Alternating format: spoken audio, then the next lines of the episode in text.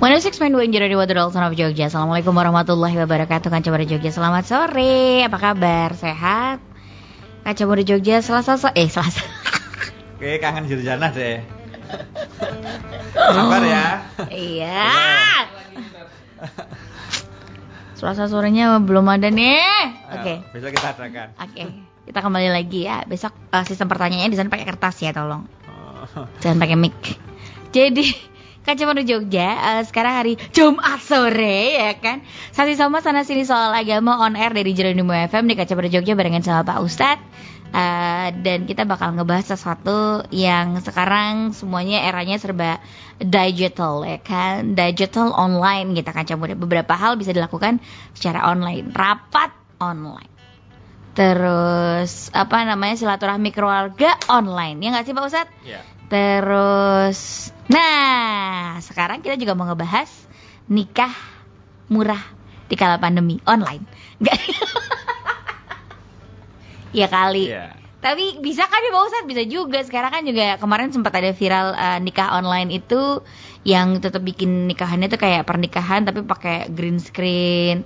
Terus tamu ta- undangannya itu pakai Zoom gitu Pak Ustadz. Itu teman saya itu yang jadi tak lihat Pak Ustadz. Oke fine bye.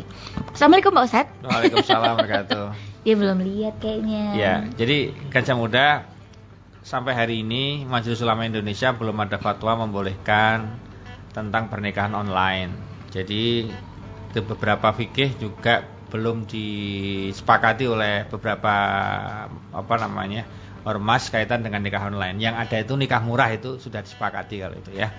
Nikah murah itu artinya nikah tanpa resepsi yang wah, bahkan saat ini justru Sawal di bulan 1441 Hijriah Sawal ini itu adalah eh, bagus-bagusnya untuk menikah dan posisinya yang murah gitu kaca muda. Nah, kali ini kita pengen bahas nikah murah di era wabah karena normal sudah ya dan hari ini alhamdulillah sudah banyak yang sudah Jumatan di masjid-masjid sudah dibuka sebagian walaupun sebagian masih tutup.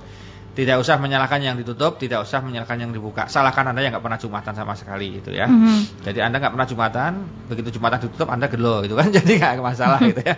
Oke, jadi eh, yang mau Jumatan karena di lokasi masjidnya sudah dibuka alhamdulillah. Jika belum dibuka sholat duhur cukup. nggak ada masalah.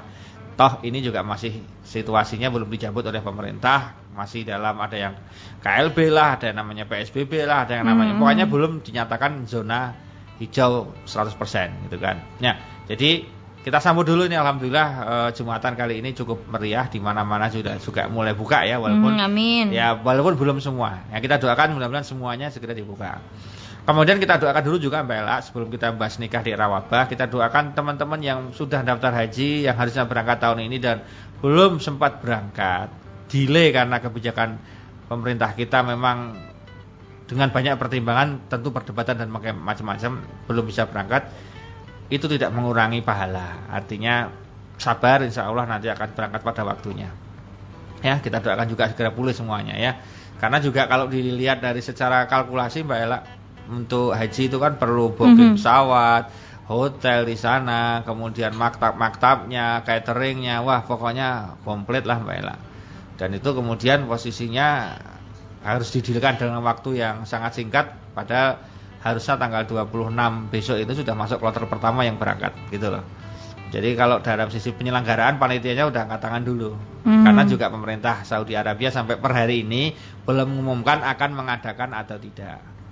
Kok bukannya ada udah ada pengumuman tidak ada haji di 2020 ya? Ah, belum, belum secara resmi disondingkan Hmm. ke seluruh negara. Jadi kalau berita-berita yang beredar sudah, tapi secara resmi itu sampai detik ini belum ada apa namanya surat tembusan yang masuk ke beberapa negara yang biasanya mengirimkan calon jamaah hajinya. Tapi apa pun itu, ingat Allah itu mencatat niat baik Anda kita semuanya. Tidak usah khawatir kemudian terus piye, tidak usah malu karena ya kondisinya seperti ini. Anda haji itu bukan untuk manusia untuk Allah ya. Jadi Anda nggak perlu malu dengan tetangga kanan kiri. Anda sudah pamitan nggak masalah, nggak usah malu. Kenapa? Karena malunya itu sama Allah bukan sama orang.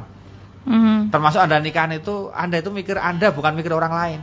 Maka kalau nikah ditanya kapan nikahnya, undangannya berapa, di gedung apa, cateringnya mana, itu nggak usah dilayani kayak gitu itu. Yang mau nikah Anda ya urusi Anda dengan calon Anda, Mhm. yang penting ijab kabul sah.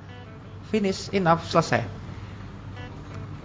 Inilah saatnya kita tahu persis paham benar bahwa di dalam fikih walimatul urus hukumnya sunnah, tidak Mhm. wajib kanca muda. Jadi tolong bapak-bapak ibu-ibu yang sudah ngengkreng acara pengen di gedung A, gedung B, gedabiah acaranya ngundang grup band ini, ngundang campur sari nganti mungkin mohon maaf ya, hmm, ngundang apa saja itu mohon untuk kemudian oh iya ya kembali ke hukum aslinya Mhm. sunnah tidak wajib, tidak makso, bahkan tidak menjadi haram. Karena banyak sekarang yang menuju OTW, OTW haram, Mbak. Gimana tuh Pak Ustadz? Ya gini, dia nikah, kemudian resepsinya utang, kemudian belum lunas sampai punya putu aja belum lunas itu. Mbak. Kasihan kan? Iya iya iya. Makanya sekarang ini ayo kita bedakan. Di era wabah seperti ini itu justru era terbaik untuk kita introspeksi. Apa fungsinya, apa manfaatnya gitu kan? Sejauh apa? Harus dan mulai hari ini sudahlah kita jangan dengar omongan orang. Artinya bukan berarti kita tutup telinga enggak. Maksudnya jangan terlalu mendengarkan omongan orang terlalu dalam. Didengarkan sekilas pandang, dicerna sebentar boleh. Tapi kalau dimasukkan ke hati yang paling dalam, Anda nggak akan pernah bisa menikmati hidup ini. Karena Anda akan dikontrol oleh orang lain terus. Mhm. Anda belum menikah ditanya kapan nikahnya, akhirnya Anda kepaksa asal nikah, kan masalah tuh.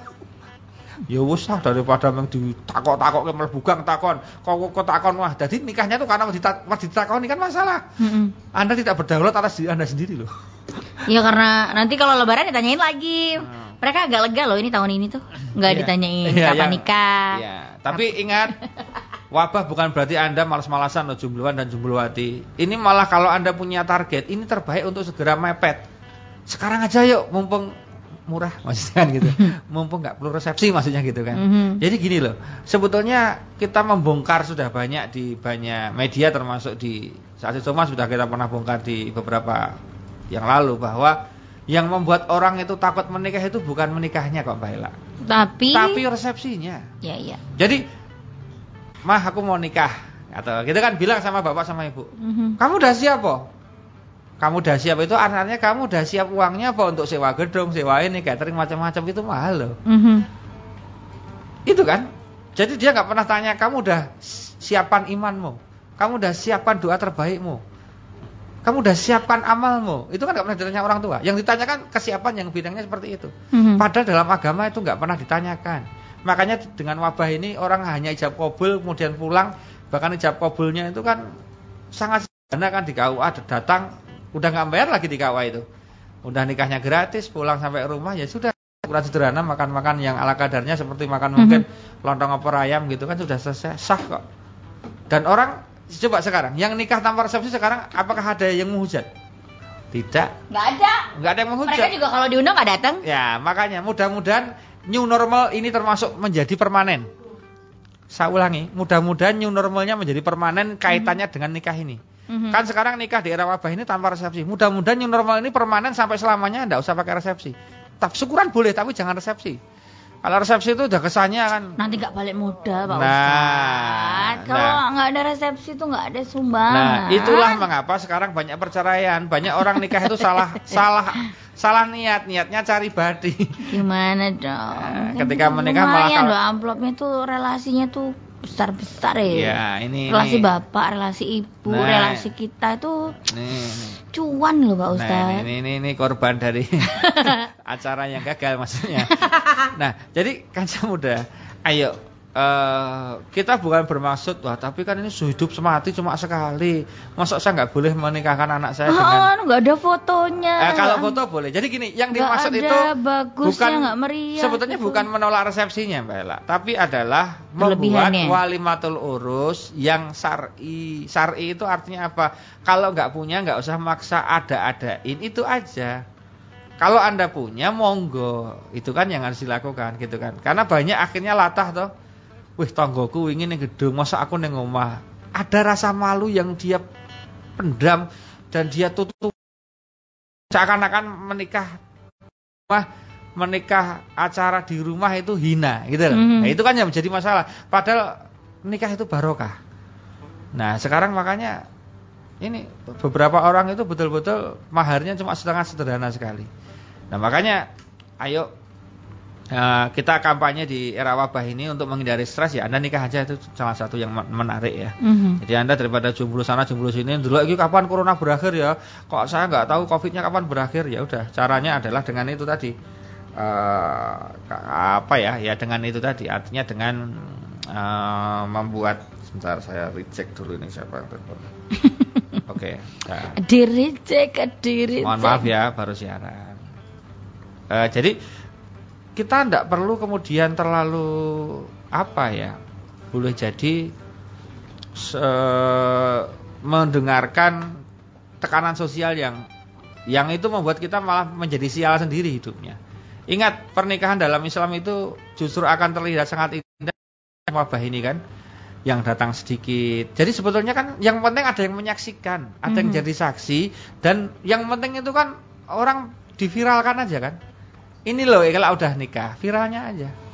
Nah, kita itu kadang-kadang menjadi persoalan kalau belum foto yang begitu itu belum sah gitu seakan-akan. Hmm. Nah, itu ini ini keliru, gitu keliru.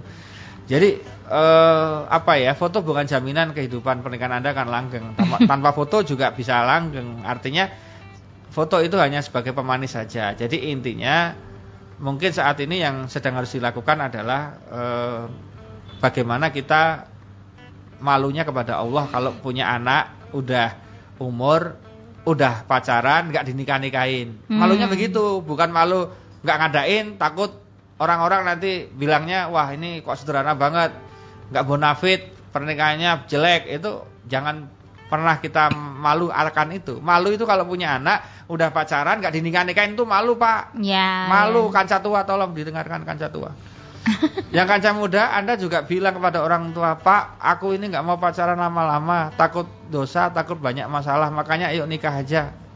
Kamu nekat sekali modal kamu apa? Hmm. Allah dan Rasulnya memerintahkan untuk segera menikah Wahai ayah, wahai ibu Insya Allah rezeki yang Allah atur Allah yang ada di tangannya rezeki itu Dulu bapak ibu ketika menikah Saya juga yakin mungkin bukan sekaya sekarang Tapi sekarang Allah mengkayakan kan Buktinya bapak ibu bisa kan Nah Hmm. saya pengen niru Masuk nggak oh, boleh sih lho ngajari bapak karo ibu gitu. ya, ya, tapi ngomongnya tidak redaksinya tidak seperti yang saya katakan Artinya ada sedikit polesan lah Ya Wah. ya ya ya. Ya, istilahnya gitu. Nah, kembali ke tadi. Jadi justru di era seperti ini eh, kemudahan-kemudahan ini tolong dipakai. Kemudahan tanpa resepsi, kemudian kemudahan tidak usah ribet-ribet pakai apa? baju seragam, seragam panitia lah. Hmm. Buat- Jadi saya lihat item pernikahan ijab kabul itu item yang sangat penting tapi dia hanya 5%. 95% item yang tidak diatur dalam Quran dan hadis. Gebyok ora diatur. Hmm, nggak ada. Rana gebyok ya toh. Souvenir ya ora diatur, musik ya ora diatur, ya toh.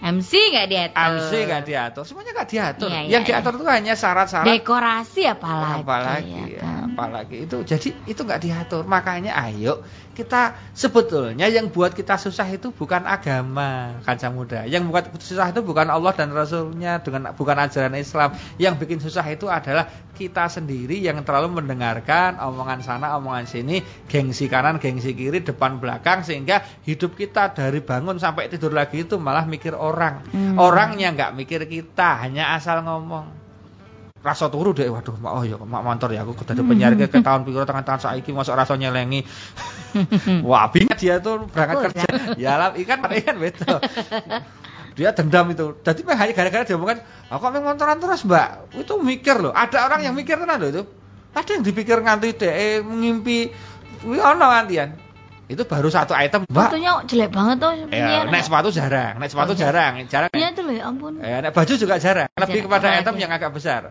Rumah, Oh. mobil, motor itu. Nanti rumah sama, Mbak, Mbak. Pora sumpah kowe manggon karo Yulian mbok ya ngontrak dhewe wae, Mbak. Nah, aku ngontrak merdeka, Mbak. Wah.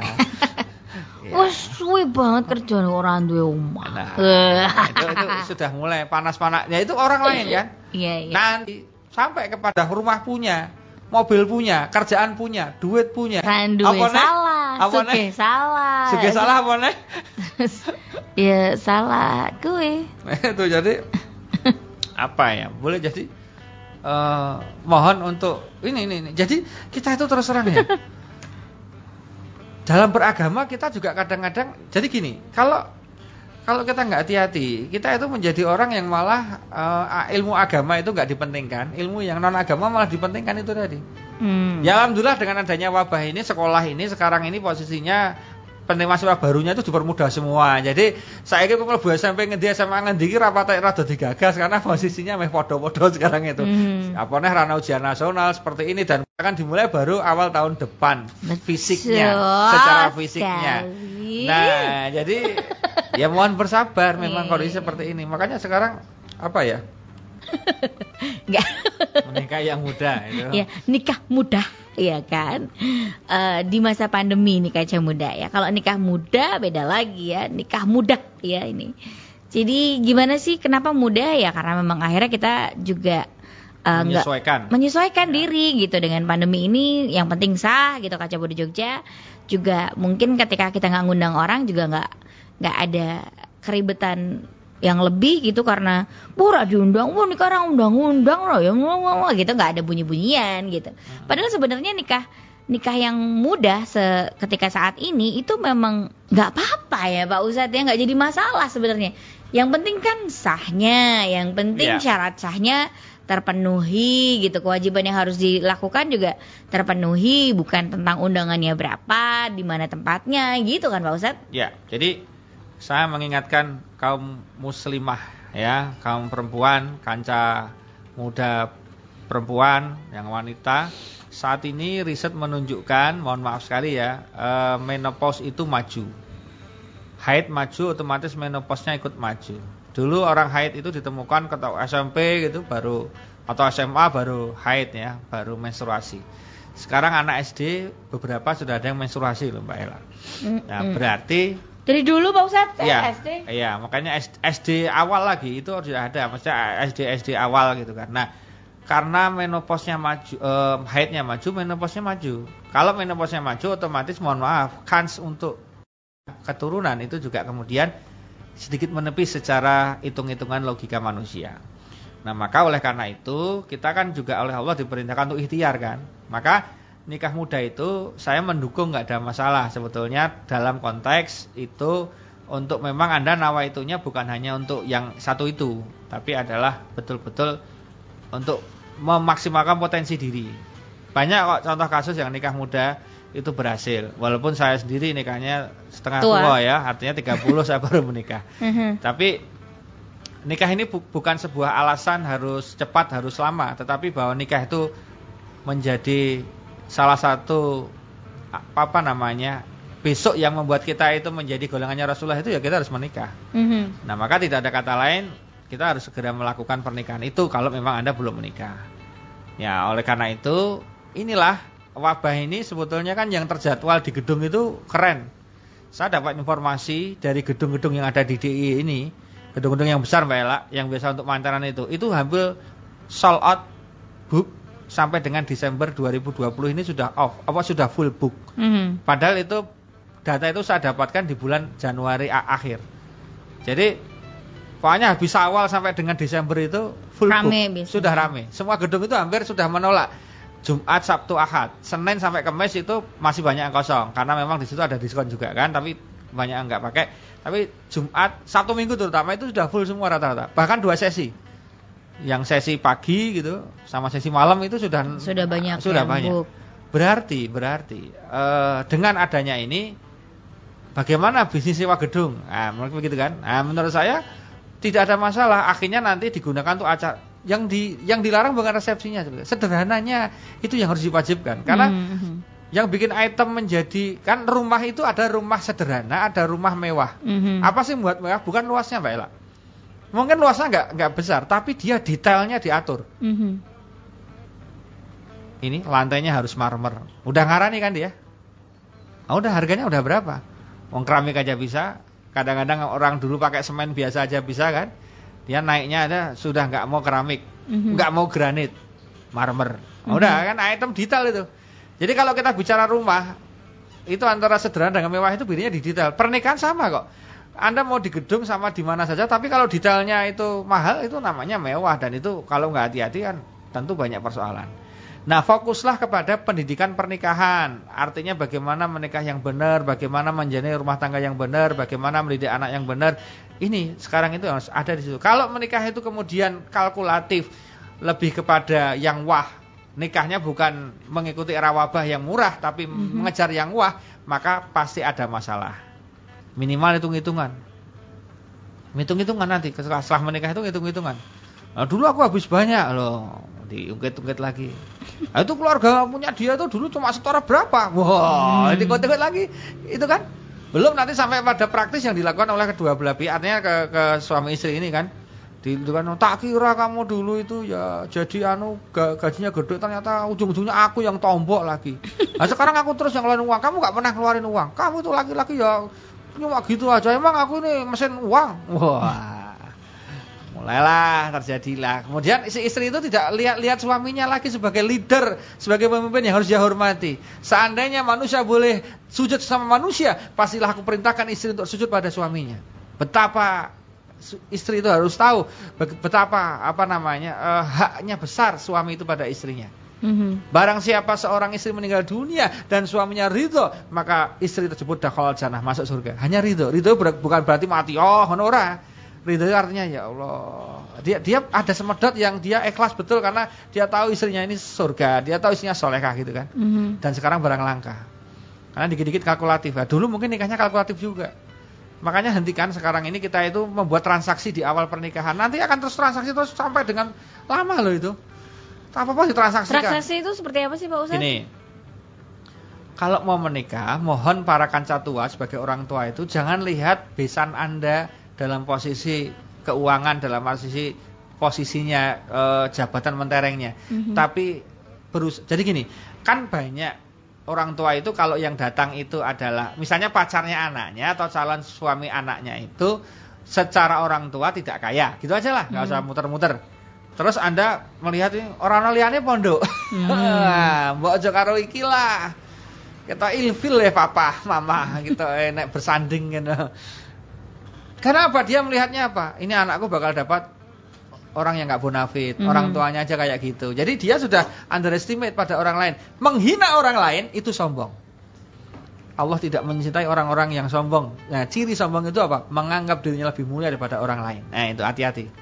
Makanya kalau Anda sebagai orang yang punya uang saat ini, ingat loh, punya uang itu kan saat ini belum tentu saat akan datang. Mm -hmm. Anda punya rezeki berupa uang, kekayaan saat ini.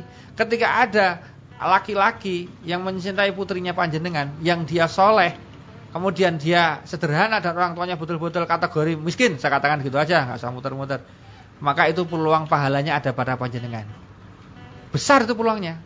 Datangi orang tuanya bilang, Pak, Bu, mboten usah dipikir, dipenggali, Bismillah, nanti ndak usah diperlalu bingung panjenengan. Saya senang sudah ada yang mencintai anak saya. Wah kan kan, ya kata-katanya bapaknya Asraf itu kan kepada BCL kan. Ya, Makasih sudah sudah mencintai anak saya. Wes matur nuwun gelem karo anak aku. Luar biasa. Ngono sampai lho. Itu keren kan? Bayangkan orang tua yang menurut saya super kaya gitu kan. Dia bisa bilang gitu. Coba kalau orang tua orang tua itu bisa begitu sama calon mantu-mantunya baik putra maupun putri itu kan mm -hmm. keren sekali Mbak Ella. Terima kasih ya sudah mau saya hanya minta engkau menjadi pemimpin rumah tangga yang betul-betul bagus jaga kesolehanmu, kesolehan anakku, mm -hmm. jaga sakinah mawaddah. Jadi pesannya pesan bukan material. Bahkan beberapa orang tua itu apa? Karena apa? Itulah karena yang terjadi adalah banyak orang itu ada sampai jangan sampai harta ini jatuh kepada orang lain, jatuhnya hmm. ke saudara sendiri, saya menikahnya dengan saudara, Kak. Itu kan parah sekali kan? ada itu. Mempertahankan oh, oh, kekayaan. Nek dalam... muter wae lah. Ning ipar jadi terah mungkin terah ngongso apa hal, hal terah ngongso bondo terah apa bro ngongso bondo ngongso bondo nah, ini kan parah sekali kan sampai dia itu yang ber, mengintervensi pernikahan itu bukan lagi orang tuanya sudah saudara besarnya. Keluarga besar. Ngeri itu kan? Karena itu jadi tradisi mungkin hmm. ya maksud. Masa aku arek entuk kae lho? Lah kae nak ya ming cleaning service loh apa kok kira ngerti trah kromo di kromo ngongso iki. Ora misalnya gitu kan. Wah itu kan jangan sampai itu kan yang terjadi malah dia orang tua itu punya hak penuh untuk menikahkan anaknya. Lah kok sampai dengarkan orang lain sampai direferensi orang lain kan bahaya. Nah, kecuali beda kasus ya, misalnya ngerti, mohon maaf ya, itu memang preman, pemabuk kelas tinggi, penjahat kelas penzina kelas istimewa. Tahu-tahu datang ke rumah mau menikahi terus keluarga besar itu kemudian merapat dan memberikan intervensi atau masukan, itu monggo lah. Mhm. Kelihatan ya, intervensinya lebih kepada tolong kalau bisa jangan dengan ini itu boleh. Tapi kalau jelas orangnya baik hanya gara-gara hartanya yang tidak maksimal, belum belum maksimal saya kira. Karena apa? Siapa tahu orang yang kayak sekarang sama diras gitu kan cepat banget orang. Buat buat buat kena kasus kena masalah kata-katain, celing, sing mau kering kata-katain entuk tung tung tung tung tung Ya. gitu kan. Nah, kere munggah balik itu betul-betul ada Mbak Ila. Dan ke- kere ya orang munggah-munggah ya banyak Mas. itu ya, masalahnya. gitu deh. Jadi kira balik banyak, eh, kira nggak naik-naik ya amyoan gitu kan. Nah makanya sekarang yang paling penting itu kita betul-betul gini. Maka saya terima kasih apresiat pada wanita-wanita orang tua orang tua yang menerima mantunya apa adanya.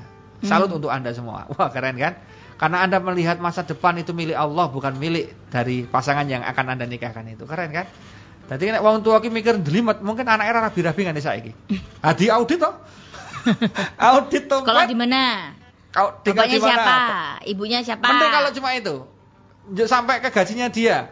Naiknya apa? Oh, is- bisa jadi batal semua Iya, kok. iya. Nggak jadi kok. Berapa persen kenaikan dari kantor setiap tahunnya? Oh. Punya anak jadinya harus tahun berapa karena dilihat dari gaji dan kenaikan tiap tahunnya. Nah. Repot ya Pak? ya makanya itu saya bilang. Harusnya wabah ini mengingatkan kita introspeksi. Oh iya iya, Gusti Allah yang dipingini meng sederhana. Nikah kowe, maka jelas kan? Ya mak saro sabab, hei wong nom nom, manis tato amin kumul baat, nek kowe wis siap nikah, siap nikah berarti wis siap lahir batin. Lahir itu artinya fisiknya kuat, kerjanya mau, batin itu siap memberikan yang terbaik untuk istrinya. Batin bukannya hubungan badan maksudnya. Mhm. Kasih saya nafkah batin mas, itu bukan berarti hubungan seks itu kamu yang mesum. Nafkah batin itu artinya istri diperlakukan dengan, Dengan baik, diajak ngobrol, diskusi nyaman, itu namanya psikisnya gitu kan. Manis tatami ubat fal yatajawats, maka kamu nikahlah. Jadi ingat loh, manis tatami kumul baat. Jadi kalau kamu udah bisa baat, baat itu menikah, fal taja fal yatajawats, maka menikahlah. Fa'ilam yastati nek kowe urung mampu fale bisiam. Kowe poso. Poso itu berarti ya Anda menahan diri tidak kenal dengan cewek dulu. Jangan pacaran dulu. Menahan diri untuk tidak aneh-aneh dan termasuk puasa dalam artian ya poso tenan. Sehingga dia Hmm. terhindar dari ya apa namanya? Karena terusnya hadis itu fa'innahu awadul lil basor. Jadi yang namanya nikah itu menjaga pandangan. Begitu lihat wanita di luar, di rumah aku punya. Lihat wanita di luar, wah itu hanya bisa dilihat. Di rumah bisa diapa-apain. Kan gitu kan. Dia dia apa namanya pikirannya begitu. Nah, Surat apa itu Pak Ustadz? oh, itu hadis. Oh hadis. Ya maksara sabab itu hadis. Kalau nikah banyak lah per, eh, anjurannya di dalam Quran ketikanya udah banyak sekali yang keluar. Nah, kembali kepada pembicaraan kita, eh, jadi ayo kita sekarang jujur-jujuran. Yang bikin ribet itu Allah, Rasul, Quran, agama atau kita sendiri? Kita sendiri, tau? Siapa yang mewajibkan harus ada screening sebelum menikah, di check up fit and Proper, proper test. Wah, Fit and proper tes.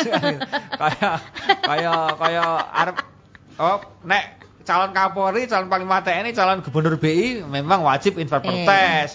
Nah, ini calon mantu ki ya jonjok kemudian jelimet kayak calon Kapolri itu kan ya. Gimana nak? Kamu udah ngetes? Enak enggak? Ya wes. Enak? Oh ya wes. Lanjutin. Eh, jadi Enggak enak ganti nak. Hmm, Ini seumur hidup loh. Ah. Jadi tadi pertanyaan Mbak Ella, ketika orang hitung-hitungan di awal sampai hitung-hitungan besane, hitung-hitungan KB, akhirnya apa? Dihitung terus. Dan di dalam rumah tangga itu paling ora enake cek hitungan. Lho ini kan gase aku, listrik aku, aku iki apa? Itu nek anu ya mak penggong gitu loh. Bagi orang tertentu itu mak penggong gitu kan. Wah, mak tampleng gitu kan. Maka hitung-hitungan dalam rumah tangga itu bikin cerai. Hati-hati, mulai hari ini jangan pernah ngitung. Walaupun tidak hanya masalah masalah duit loh Mbak Ella. Contoh. Masalah apa misalnya Pak Ya, Ustadz? non duit ya ada. Non duit itu ya banyak misalnya. Aku terus, aku terus, kowe ora tahu. Nah, kan bukan masalah duit, entah masalah apa. Nah, ini kan juga bisa jadi masalah. Nah, makanya sekarang itu nggak pernah hitung-hitungan. Kenapa? Karena Allah tuh nggak pernah hitung-hitungan sama kita. Loh kita itu loh, masih mesum, masih maksiat, masih kadang-kadang nggak suruh nikmat masih dikasih nikmat sampai hari ini loh. Itu kalau hitung-hitungan ya sorry ya. Oh, nggak bisa yang kemarin-kemarin kamu belum lunas. Kamu masih banyak salah sama aku kata Allah. Ya nggak sudi aku kasih kamu rezeki sekarang. Kamu nggak tobat dulu nggak aku kasih kamu. Enggak, Allah nggak gitu loh. Allah itu Ar-Rahman loh. Jadi Allah tuh nggak pernah hitungan sama kita. Kalau hitungan sudah mati semua kita, sudah nggak bisa apa-apa kita itu, sudah banyak dosa itu serasa apa-apa Mas Awan. Oh, serasa piye-piye itu. Kalau hitungan, maka Allah itu Ar-Rahman. Makanya tolong dong para suami, para istri rasa hitung-hitungan amat lah. Termasuk orang tua yang mau menikahkan anaknya juga hitung-hitungan amat gitu kan. Sampai dina dihitung Mas Deh. Iki dina rebupon kliwon aduh. Nikahnya kudu pas rebupon, jamnya kudu jam siji bengi. Ah mesake naib. Rai, Bro. Mau gak sih naib kalau jam satu gitu? Ya gelem, ya ya akhirnya kudu gelem. Neng yo njuk dadi pertanyaan wong kok dadak bengi ngopo? Eh, apakah Rasul begitu? Oh ya ora ngono kuwi. Nah, itu kan eh, kecuali memang waktu-waktu itu ada darurat ya itu lain persoalan. Mesti ada beberapa kasus yang monggo lah. Tapi kalau nah jadi berintulah ngitung-ngitung dengan hitung-hitungan hari itu kan. Kalau ngitungnya hari itu adalah ngitung hari yang libur kapan sehingga saudara banyak bisa datang itu benar. ya, ya, ya. Atau kalau kamu ngitung ya ngitung pas wabah ini malah bagus karena jelas nikahnya murah, Anda nggak perlu resepsi, Anda lebih hemat anggaran. Betul. Daripada uangnya digunakan untuk resepsi yang mohon maaf tidak akan dikenang. Saya berani memastikan tidak akan dikenang. Coba saya mau tanya kanca muda yang dengarkan Sasi Soma ini dan kanca tua. Pernikahan siapa, resepsi siapa yang Anda kenang sampai sekarang? Insya Allah nggak ada. Karena apa? Resepsi yang heboh menurut Anda di sebuah Resepsi momen saya sendiri. itu akan ya kalau itu sudah pastilah Anda harus ingat kalau nggak ingat ya berarti Anda mulai ada tanda-tanda itu. Jadi kalau misalnya resepsi wow di di mantannya si A hmm. itu akan terhapus dengan resepsi di mantannya si B terus gitu sehingga anda nggak berhasil mengingat-ingat biar mantannya si elak kayak suguhannya apa Boh, mesti ngono jawabane. Ora kok aku sik kelingan kok.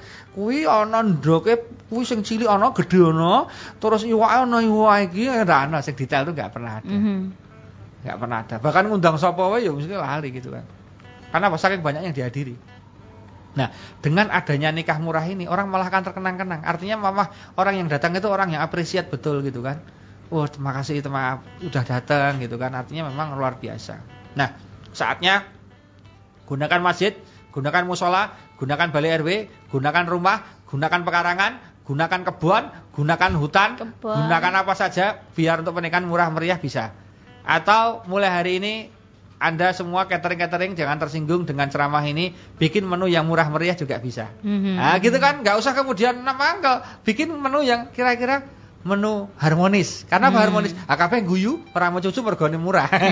Sing teko ya harmonis. Tapi sekarang nih Pak Ustadz, karena Yo. pandemi ini tuh banyak penyesuaian juga untuk masalah pernikahan. Misalnya kan karena tidak banyak orang yang bisa datang nih. Jadi hmm. yang datang hanya keluarga inti dan itu di dengan protokol. Yes. Terus tidak terlalu banyak. Hmm. Terus uh, tamu itu tadi bisa lewat uh, Zoom. Hmm. Uh, bisa datang ke situ lalu dikasih di dalam layar itu bisa lihat uh, diundang ada undangan uh, apa namanya zoomnya uh, linknya apa gitu. Terus nanti ada sumbangan bisa dikirimkan ke rekening apa. Terus nanti uh, tamu undangan atau beberapa orang gitu uh, yang diundang itu akan dikirimi sama catering gak usah jadi cateringnya tuh udah bikin kotaan dia muter.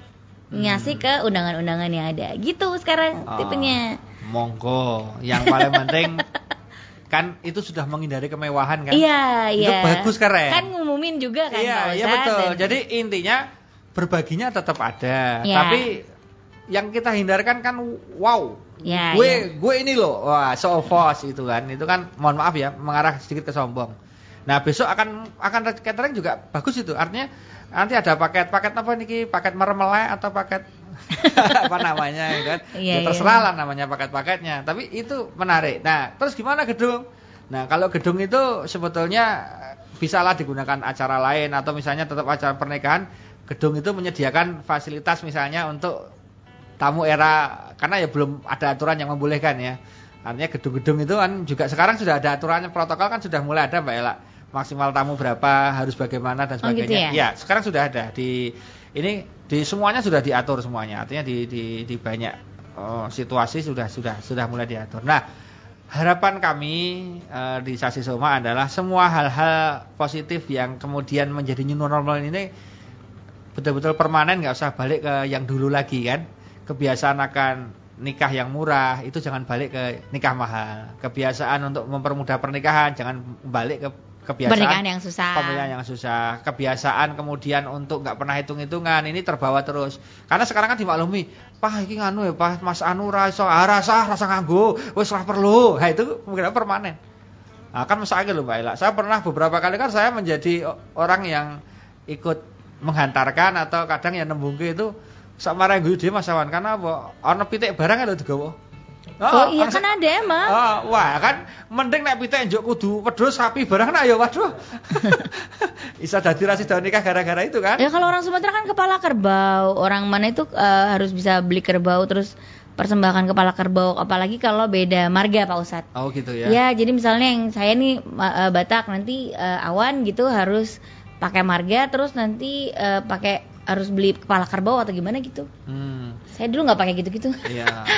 Enggak, nanti nggak kawin-kawin. iya. Nah, Rasa berarti dia melanggar protokol Mas Teh. protokol Batak kan yang muslim enggak. Iya. Ah, jadi gini. Jadi Gak perlu. Ah, Nah, makanya kita sekarang harus introspeksi. Perlu nggak sih? Ada aturannya nggak sih? Gitu kan? Diatur nggak? Gimana Allah dan Rasulnya? Gitu loh. Hadisnya ada nggak? Gitu kan? Oh ternyata ini loh Allah ngasih wabah itu biar kita kembali ke normal yang asli Mbak Ela. New Hmm. normal ki artinya new yang sesuai Quran hadis gitu. New yang kembali kepada Allah dan Rasulnya gitu. Jadi itu yang harus dipakai gitu kan. Nah makanya berkacalah pada pernikahan-pernikahan tempo dulu Hmm. tuh maratonnya Mbak Ela. Apalagi sebenarnya selama hampir tiga bulan lebih ini tuh kita harusnya punya waktu banyak buat introspeksi ya Pak Ustadz Betul. sendiri barengan keluarga eh, apa namanya mikirin tentang ini itu gitu nggak Hmm, hmm. kalau kemarin-kemarin kan kita sibuk bertemu orang ketemu temen kerja target A target B gitu jadi ya ya new normal itu bisa bisa ya Ustadz ya new normal. Maka kebiasaan nanti, misalnya kebiasaannya Mbak Ela yang menghatamkan Quran dengan suaminya, wah, ini bisa ah terus. dibahas terus Nanti 12, satu tahun 12 kali katam suami istri Amin. coy. Waduh. ya. Allah Wah, nanti loh, itu kedua loh saya udah bilang kedua setelah saya seumur hidup Bulu, makanya ini kalau jadi lazim kan keren kan? Lazim gitu tiap malam itu insya Allah Amin, nanti- amin, Loh, amin. Ingat ya, ingat ya. Saya ketemu beberapa teman saya yang tadinya apa hidup bergelimang harta kemudian jatuh karena perusahaannya kolaps kemudian dia kembali kepada Allah dan Rasulnya betul-betul menjalankan ketaatan dengan sangat luar biasa padahal waktu saya mendampingi beliau itu sempat goyang itu oleng kapalnya. Sekarang ini wah alhamdulillah sudah semua berangkat umroh. Orang tuanya diumrohkan saudara-saudaranya dibantu sama dia bahkan dia sudah mendaftar haji plus. Padahal tidak kerja Mbak Elak kasarannya. Dia hanya di rumah saja. Tapi Allah kirimkan betul-betul rezeki melimpah Gimana pada gitu? dia. Nah Bisa? bisa. Ternyata kita itu kan selalu mikir. Makanya kita nggak pernah bisa maju ibadahnya karena aku kan mikir dia nggak mikir. Begitu nggak mikir tahu-tahu dapat telepon. Mas bisa bantu ini mas bisa gini. Dari situ ternyata dapat rezeki. Kita kan selama ini kan mikir terus kan. Padahal baru kita begitu kita pasrah los sama Gusti Allah tahu-tahu ada yang datang ada yang telepon ada yang hubungi ada aja kerjaan yang itu Amin. dapat membuat rezeki. Amin. itu loh yang kita tuh sering selalu kok kan mikir tadi kita nggak pernah maju-maju. Hmm. baru aja tak, tak kasih aja kan Anda tanyakan terus gimana caranya? Lah kalau Allah punya cara itu gampang toh yang namanya Siti Maryam tanpa nikah tanpa kawin bisa punya anak itu kan kalau Allah yang berkehendak kan ono anaknya ono gitu. Hmm. ketika anaknya lahir kemudian do di rasani kowe anak haram langsung anak sing kecil bisa ngomong aku dudu anak haram hmm, kabeh mendelik bingung gitu kan Hmm. Ya, Nabi Is- Isa kecil kan langsung bisa ngomong.